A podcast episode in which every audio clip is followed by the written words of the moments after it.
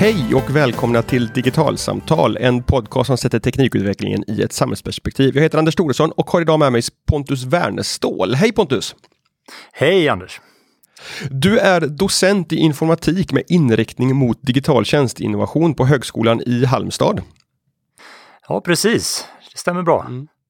Och anledningen till att jag ska prata med dig är att ni har eh, dragit igång ett antal olika eh, projekt, eh, utbildningsformer för att, att höja eh, kompetensen kring vad artificiell intelligens är eh, bland yrkesverksamma i första hand. Ja, precis. Och framförallt då hur man kan använda olika AI-teknologier utifrån ett tjänstedesignsperspektiv, det vill säga hur man kan skapa nytta och värde rent praktiskt från det. Mm. Och jag, jag, tänkte att vi ska komma in på givetvis eh, vad och varför, men jag tror att vi ska börja med att, att du får förklara lite grann för, för lyssnarna och mig. Vad, vad lägger du och ni i begreppet tjänstedesign? Ja, det är en jättebra fråga, för det är ju så här i vårt fält då som har eh, många namn, men eh, det, vi enas väl någonstans under någon sorts, sorts eh, människocentrerad design. Eh, och där vi med design menar utformandet av eh, tjänster utifrån både ett eh, individuellt användningsperspektiv men också hur en organisation kan dra nytta av det, men också hur det gynnar samhället i någon mening. Så vi har de tre linserna. Eh, så design är, handlar både om eh, funktion och upplevelse. Eh, och tjänstedesign då har vuxit fram de senaste åren som ett sätt att titta på det utifrån ett lite mer holistiskt och strategiskt perspektiv. Så att om eh, det som vi kallade för interaktionsdesign för ett tag sedan handlar om hur man till exempel designar eh, en användbar tjänst eh, på en skärm till exempel, eller en app eller så, så är det ett ganska, för det första digitalt fokus och ett fokus på en enskild tjänst. Medan service design eh, kanske då höjer blicken lite och tittar på hur samverkar flera olika touchpoints i olika kanaler, digitala såväl som analoga, och hur bidrar det till en tjänsteupplevelse som rullas ut över tid. Då? Ehm, så, så, kan man säga att vi lägger ehm, i begreppet eh, tjänstedesign eller service design. Men, men, men eh, det innebär att design i, i, det här sammanhanget, det handlar inte bara om, om liksom det som jag som användare möter i form av knappar och ett gränssnitt eller en, en, en fysisk kontrollpanel, eller så där, utan, utan också hur, hur designen av hur tjänsten i sig faktiskt fungerar och kommunicerar med omvärlden. Ja, precis. Och det, vi, eh, du har säkert hört de här eh, isbergsmetaforerna flera gånger, men det, det visuella eller det man eh, kan se eller ta på, det är ju bara den lilla 10% toppen av det här isberget. Sen ligger det väldigt mycket strategiskt arbete, alltifrån affärsmodellering till informationsarkitektur och hur det samverkar i olika kanaler. Det är ju det som vi kanske som slutanvändare inte ser, men som vi ändå på något sätt upplever och drar nytta av förhoppningsvis. Då. Och service design rör sig djupare ner då i de här vattnen då, eh, kan man säga, jämfört med kanske visuell design eller interaktionsdesign. Ja, just det. För det blir också funktionen eh, bakom eh, det, det, det, visuella. Ja, exakt. Och det behöver kanske inte ens vara visuellt överhuvudtaget. Vi, Nej, vi pratar ju mycket om AI eh, inom eh, talade tjänster till exempel. Då har du ju en dialogmodellering och naturligt språk istället som material istället för pixlar på en skärm. Så att det, det är inte ens alltid visuellt, så att säga. Ja, just det. Eh, var, var, var kommer artificiell intelligens in i det här fältet någonstans? Mm. Så det, det, kan man se också utifrån eh, ett taktiskt operativ designperspektiv eller ett strategiskt, lite mer långsiktigt perspektiv. Om vi börjar med det, med det taktiska då så kan ju befintliga tjänster stärkas med hjälp av olika AI-tekniker, då, machine learning eller maskininlärning till exempel. Om du eh, har din vanliga eh, Messenger-app eller meddelande-app på telefonen så har du ibland förslag på vad du ska skriva. Eh, om du har börjat skriva två, tre bokstäver och så föreslår den hur du kan komplettera det. Det är ju en väldigt enkel och basal AI-tillämpning egentligen som bygger på vad du har skrivit innan eller vad andra har skrivit innan efter det ordet du har börjat skriva och så vidare. Eh, och sådana sådana typer av eh, AI-kryddor i redan befintliga system eh, kan man ju dels ägna sig åt. Men sen kan man också tänka sig att AI i, ehm, i termer av eh, det vi kallar för agentiv teknologi ibland, det innebär att eh, AI-tjänsten eh, tar eget initiativ och agerar å dina vägnar medan du kan göra annat då. Och det är ett agentbaserat sätt att se på det. Och då plötsligt så innebär det att då handlar ju designen om att förhålla sig till vilka uppgifter som kanske tas över av en semiautonom agent eh, och vilka beslutsstöd som du plötsligt får eh, som kan hjälpa dig att göra den uppgift som, som du har på jobbet till exempel. Eller de uppgifter du gör på fritiden. Och då blir det ett lite mer strategiskt sätt för då måste vi gå in och titta på arbetsflöden, eh, det vi kallar för task analysis eller uppgiftsanalys och se vilka beslutspunkter kan en agent hjälpa till med här till exempel. Eh, så så det, där kommer AI in och då, då, nu har vi som lite arbetshypotes här att vi ser AI som ett nytt designmaterial eh, för designers. Och då gäller det att kunna hantera det materialet. Eh, och det är det det här utbildningsinitiativet syftar till då. D där artificiell intelligens och machine learning och deep learning och så vidare bli, blir nya verktyg i verktygslådan för de som, som ägnar sig åt, åt eh, tjänstedesign.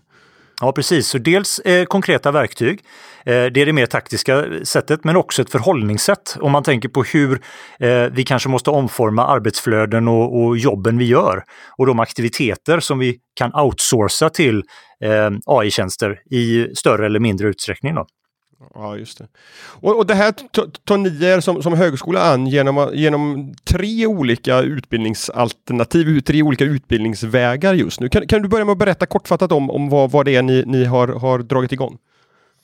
Ja, vi har en rad olika initiativ eh, och eh, ett av dem det är en eh, masterutbildning kan man säga som ligger och tuggar eh, där vi har tagit oss an två eh, kurser hittills. Och de är mer, vad ska man säga, klassiska kurser i den meningen att den går Eh, på en viss tidsperiod och eh, den kan ge högskolepoäng och eh, man kan då antas till den.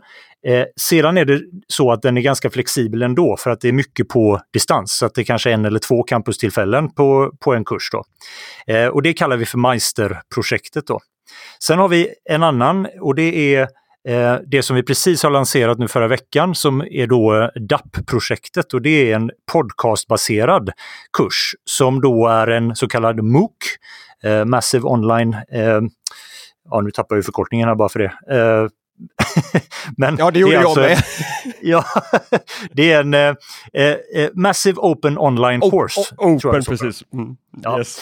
Eh, och det innebär att vi, vi har släppt ut den här eh, till världen. Eh, den finns på alla podcastplattformar eh, du kan tänka dig. Och eh, vem som helst kan gå in och lyssna och tillgodogöra sig materialet.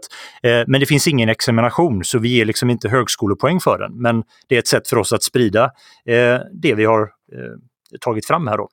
Så det är det andra projektet, DAP, då, det, det släppte vi nu förra veckan. Eh, och det tredje, det är ju eh, som de flesta lärosäten har ju uppdragsutbildning, där vi säger vi kan skräddarsy utbildningar eh, inom det här. Och då har vi eh, eh dels en liten bas som man kan börja med, men vi kan också skräddarsy då som sagt beroende på vad mottagaren behöver. Mm. Och, och vad, vad, är det ni ser framför er att, att, att mottagarna be behöver? Det här är, är utbildningar som i första hand inte vänder sig till de som läser ett, ett, ett ingenjörsprogram utan till de som har redan en, en yrkesbakgrund eller, eller har helt andra typer av utav befattningar i en verksamhet men som behöver förstå eh, vad artificiell ja. intelligens är.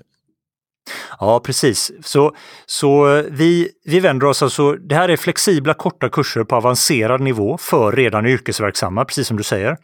Och det, det, här är ju ett steg i ett lite större skeende där vi håller på att utvärdera vad, vad är egentligen lärosätenas roll i, eh, i Sverige och i världen.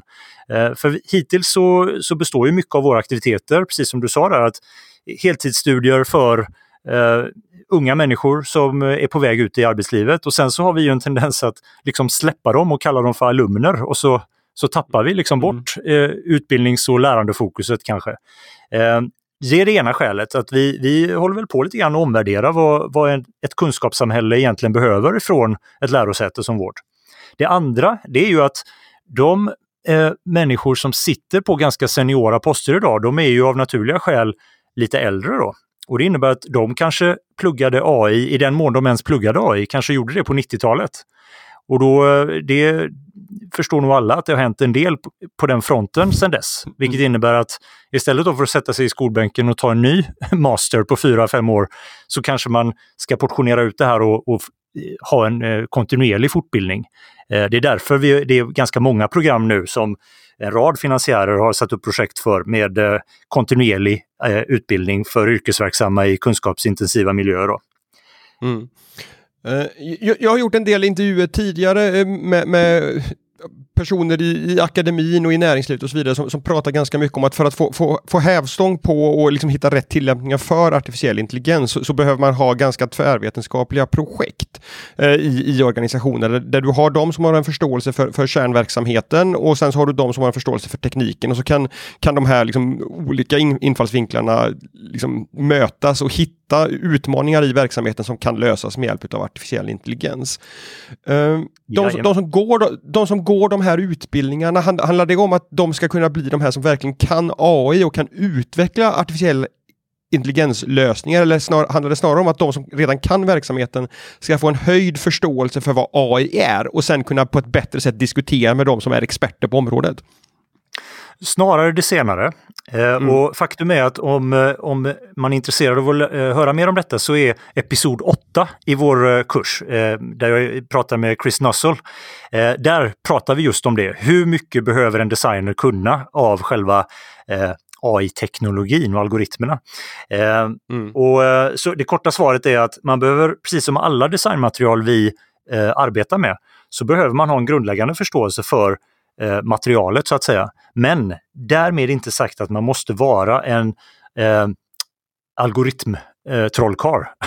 för ja, att, eh, av, av, flera skäl. Och, och, det ena då är ju att dels för att en människa kan inte kunna allt. Eh, och det andra är faktiskt att, som, eh, som jag och Chris pratar om i episod 8, det är att man riskerar faktiskt att bli slav under för många herrar om man då fokuserar för mycket på att sitta i och ta fram algoritmerna. Och det är lite grann analogt med den här urgamla diskussionen huruvida interaktionsdesigners, hur mycket programmering och frontendutveckling ska de egentligen kunna? Eh, och det, det finns många olika perspektiv och jag tänker inte sätta ner foten och säga vilket som är rätt. Men för de här initiativen som vi hittills har tagit fram så har vi lagt det på en nivå att det här handlar om designers som behöver förstå. Eh, vissa eh, flaskhalsar till exempel eller behöver förstå att man kanske eh, det är inte bara att ta en Excel-fil och proppa in i ett system och så får man plötsligt ut magisk AI av det, utan man måste ha lite data science och lite machine learning-förståelse för att kunna förstå vad är bra data? Hur använder man data? Vad finns det för risk med ofullständig data eller eh, biased data till exempel? Mm. Lite sådana saker. Mm. Kan, kan, du gå, var... bli, bli, lite mer konkret och ge lite fler exempel? För det här tycker jag är spännande. Liksom, vad, vad, ni, vad ni ser att de som inte ska vara experter på AI behöver förstå om teknologin för att kunna använda den på ett, på ett bra och konstruktivt mm. sätt i sina liksom, tjänstedesigner. Så låt oss ta ett, eh, en liten aspekt av detta, för som sagt, det, eh, om jag ska svara fullständigt på den frågan så blir det, så är det hela kursen, kursen vi har släppt. Ja. men, men kort, man kan säga så här då. Eh, låt oss säga att eh, du som designer inser att för att din AI som ligger i, i eh, botten på en tjänst ska bli eh, bättre och bättre över tid, för det är ju en av sakerna man kanske vill använda eh, datadrivna AI-tjänster till, då kräver ju det kontinuerlig tillförsel av data. Det innebär att du som designer måste ta hänsyn till det när du designar interaktionen med det här systemet. Hur kan du utan att störa arbetsflöden se till att ta in ny kontinuerlig data som kan användas för att träna om en modell då och då så att outputen från det systemet blir bättre och bättre. Och då får ju det en följdeffekt. För i och med att systemet då är adaptivt och förändras över tid så måste du dessutom som designer hitta ett väldigt bra sätt att kommunicera den här förändringen.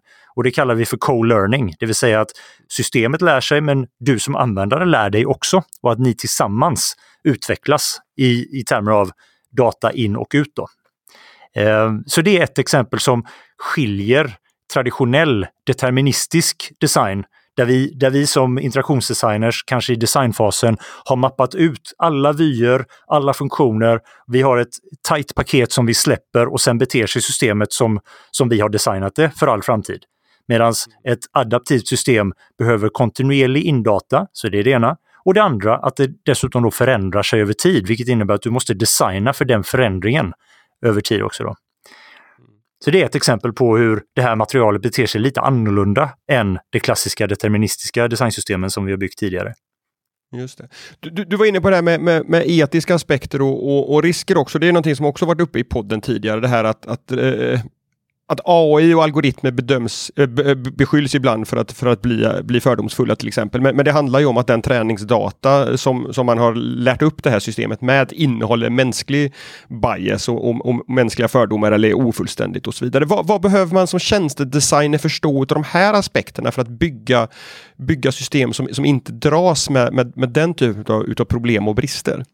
Ja, så du, det här är ju ett gigantiskt eh, forskningsområde och problemområde. Och eh, episod 11 och 12 berör detta då i DAP-kursen.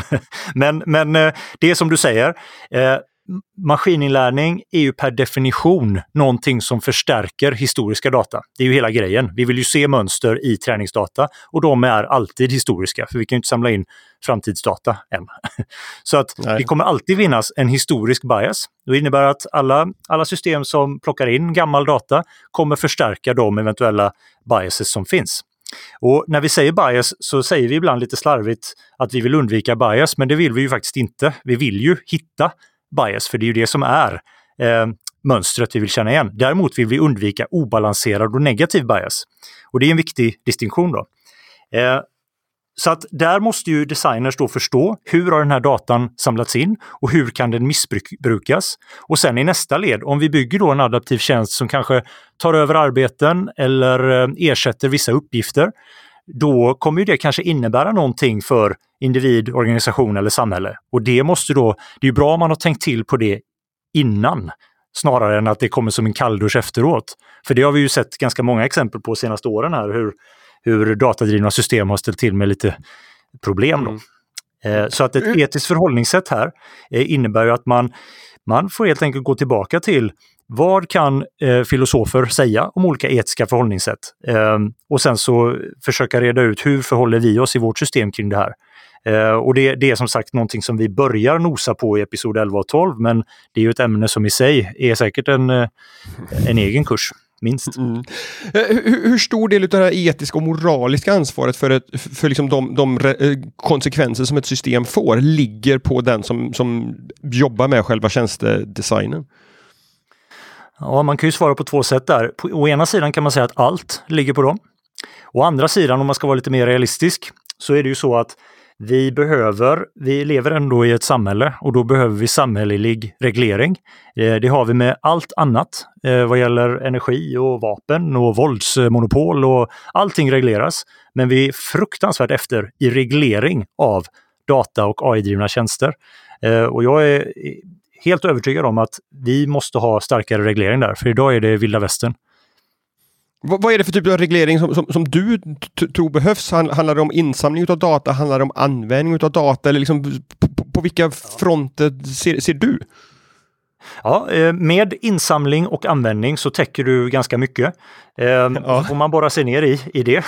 För det är ju egentligen vad, när vi säger AI idag så är ju det machine learning i praktiskt taget då. Eh, det är ju Eh, och då, då, är den baserad på insamlad data och användning av de modeller som tränas upp med hjälp av den datan. Så att det är ju utvärdering, eh, kontinuering, evaluering, hur man samlar in och hur man då använder den i vilka typer av tjänster. Eh, och vilket ansvar olika aktörer har då. Just det. Eh, första gången du och jag pratade om, om, om de här eh, ny, nya utbildningssatsningarna från er var, var i, i, slutet på sommaren 2018 för ett, för ett drygt år sedan och då stod ni precis inför lanseringen av det här eh, lite större eh, programmet Meister och, och det, det, vi pratade om då var det här, jag, jag, ställde frågan till dig då, liksom hur ser intresset för det här ut? Och då sa du att efterfrågan på kunskap inom det här området är jättestor och det vi ska bedöma nu är hur, hur efterfrågan på utbildning i det här området faktiskt ser ut. För att det, det är två olika saker. Hur, hur, hur, hur, har, hur har intresset för att faktiskt se till att medarbetare får en utbildning inom det här området sett ut? Um, det, det, det, kan nog se olika ut, men eh, och sen är det klart att de som då lyssnar på den här eh, podcasten, de som har gått eh, vår, våra magisterkurser, de är ju uppenbarligen intresserade, så där, där, är vi ju, där har vi ju positivt då. Va? Eh, jag tror att det fortfarande finns eh, någon sorts eh, uppvaknande eh, tid här. Att man inser att eh, datadrivna tjänster och eh, machine learning som teknologi till exempel är väldigt relevant och kommer eh, påverka samhället ganska mycket. Så att eh, det är nog de flesta med på. Eh, sen att ta steget till att säga jo, men nu ska jag avsätta budget för mina anställda att gå en kurs i det här. Det är ju liksom steg två. Och där har vi nog inte sett hela potentialen öppnas upp än. För jag tror att många kanske vilar lite på hanen och ser ja, men hur mycket ska jag utbilda och i, i vilket form, vil, vilket forum ska jag utbilda eh, mina anställda i och så vidare. Eh, så jag tror att eh, den spaningen vi hade förra året, den är fortfarande eh, spik på. Det här finns ett kunskapsunderskott, speciellt i eh, eh, vissa sektorer.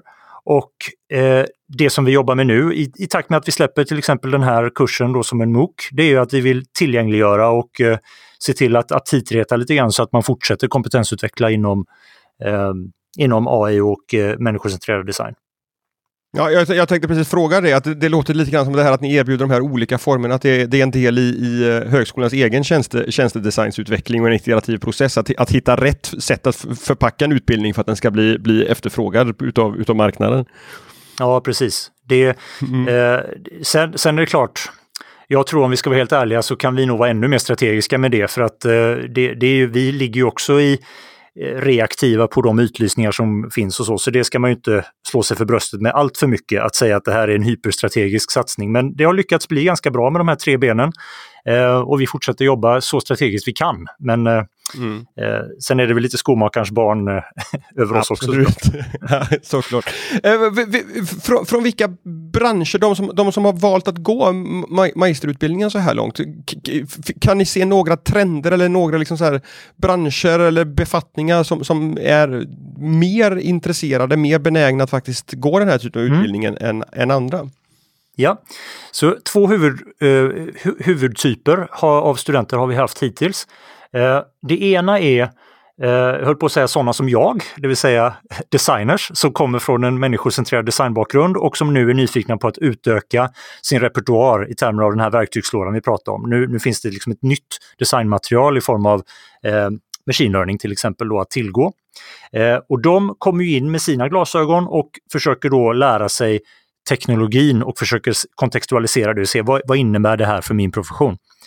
Den andra gruppen, som är något mindre men fortfarande en signifikant grupp, det är tvärtom då. Det är eh, riktigt duktiga ingenjörer och utvecklare som kommer från en, ett tekniskt mindset men som har förstått att eh, upplevelsedelen och eh, användningsdelen och värdeinhämtningen under användning så att säga är någonting jätteviktigt. Och då vill de förstå hur teknologi och machine learning specifikt eh, kan kan bidra till det. Och då blir det istället deras utmaning blir att förstå människocentrerad design. Eh, och anledningen till att vi faktiskt vill ha båda de grupperna i samma kurs, det kan ju tyckas lite sådär Eh, varför ger ni då inte en kurs för designers och en kurs för utvecklare? Jo, men det är ju för att, precis som du sa innan, att vi vill ju ha det här tvärvetenskapliga sättet att se på problemet. Och då har vi märkt att det uppstår väldigt intressanta diskussioner, eh, både i sal och online, när man mixar de här professionerna. För det är ändå så att de kommer ändå behöva jobba ihop sen, vad det lider. Mm. Eh, så ja, för, där, har vi för, våra för, två huvudmålgrupper. Ja, just det, för, för, det var det jag tänkte ställa som, som en följdfråga här. Ni, ni, ni, ser alltså den typen av utav liksom kompetensöverskridande diskussioner kring, kring AI och AIs tillämpning uppstår redan, redan på utbildningen tack vare att ni lyckas attrahera båda de här två liksom breda yrkeskategorierna in till kursen? Ja, det, och det har vi faktiskt sett eh, explicit i kursutvärderingar vi har fått. Då har kommentarer av den arten eh, figurerat. Att eh, det har varit intressant att se hur eh, en designer ser på det här och det har varit omvänt då, det har varit intressant att höra hur en eh, programmerare som är väldigt duktig på datadrivna eh, datadriven utveckling och algoritmer, hur de har eh, gett input till strategisk tjänstedesign till exempel. Mm. Okej. Okay på, på, på, ett mer, mer, mer, mer generellt plan, eh, vad, vad, vad, finns det för frågor kring AI som, som du tycker behöver få liksom en, en, en fortsatt bred debatt och diskussion i, i ja, näringsliv, offentlig sektor och så vidare för, för att liksom vi, ska, vi ska hamna rätt i, i att, att dra, dra nytta av de här möjligheterna samtidigt som vi inte hamnar, hamnar liksom fel i, i ja, men fördomsfulla system och så vidare som, som vi har pratat om. Ja, och det här är ju eh det, jag, jag, skulle säga att vi har berört det. Eh, det är den här etiska grundbulten för det och det här ekas ju på EU-nivå också. Vi har ju Margrethe Vestager till exempel som är då ehm, eh, EUs eh, Digital and Big Tech eh, kvinna där då. Eh, hon säger ju explicit att EU till exempel kan inte bli en, en meningsfull spelare inom AI om vi inte har etiska riktlinjer och reglering där. Nej. Ehm, så att det här, och, det, det, det är på ett sätt, jag tycker det är positivt och upplyftande att på den nivån, att det talas om det på det viset. Ehm, för jag upplever att det har varit lite grann att eh, det tidigare har varit att man måste förstå teknologin och så har man stannat vid det. Ehm, och vissa sådana här grundkurser inom AI har ju varit väldigt så här, eh, förstå hur en min max-algoritm fungerar till exempel. Men det är, det är för 90 gritty för de flesta som berörs av det här skulle jag tro. Så att jag, jag, mitt intresse och min bestämda uppfattning är ju att vi måste titta på hur det här påverkar samhälle, organisation och individ mm. utifrån etiskt perspektiv och ett samhälleligt perspektiv. Ja. Alltså, eh, Grundskolan fick ju ny, ny, nya styrdokument eh, inför 2018 och där, där, Skolverket har brutit ner begreppet eh, digital kompetens i att handla om bland annat att, att kunna förstå och använda de, de digitala verktygen, att, att kunna använda de här för att lösa problem, att kunna ha ett etiskt förhållningssätt till dem och sen också kunna fundera kring, kring vilka konsekvenser de får på samhället. Och där, där pratar man liksom om digitaliseringen liksom totalt brett sett, men, men det låter ju på något sätt som att det är exakt samma fyra ben som du lyfter fram här, att man behöver kunna, kunna använda dem eh, bara som, som, som verktyg, förståelse för det, en förståelse för vilka problem som går att lösa med det, den etiska konsekvensen och kritiska förhållningssättet och sen förstå liksom, okej, okay, vad, vad får det för konsekvenser det som vi väljer att bygga med det här? Ja, precis. Jo, och det, det är ju rimligt att uh, digitalisering som är ett paraplybegrepp, där ingår ju uh, AI-teknologi till exempel. Så det, det är rimligt att vi har alla de fyra uh, mm. strimmorna i, i, i, vårt fält också så att säga. Så det håller jag med om, mm. absolut. Mm. Bra! Eh, Pontus, stort tack för att du var med och i podden Digitalsamtal pratade om AI och hur ni på eh, Högskolan Halmstad tänker kring utbildning i de här frågorna. Ja, tack så mycket! Och till er som har lyssnat, vi hörs igen nästa onsdag. Hej så länge!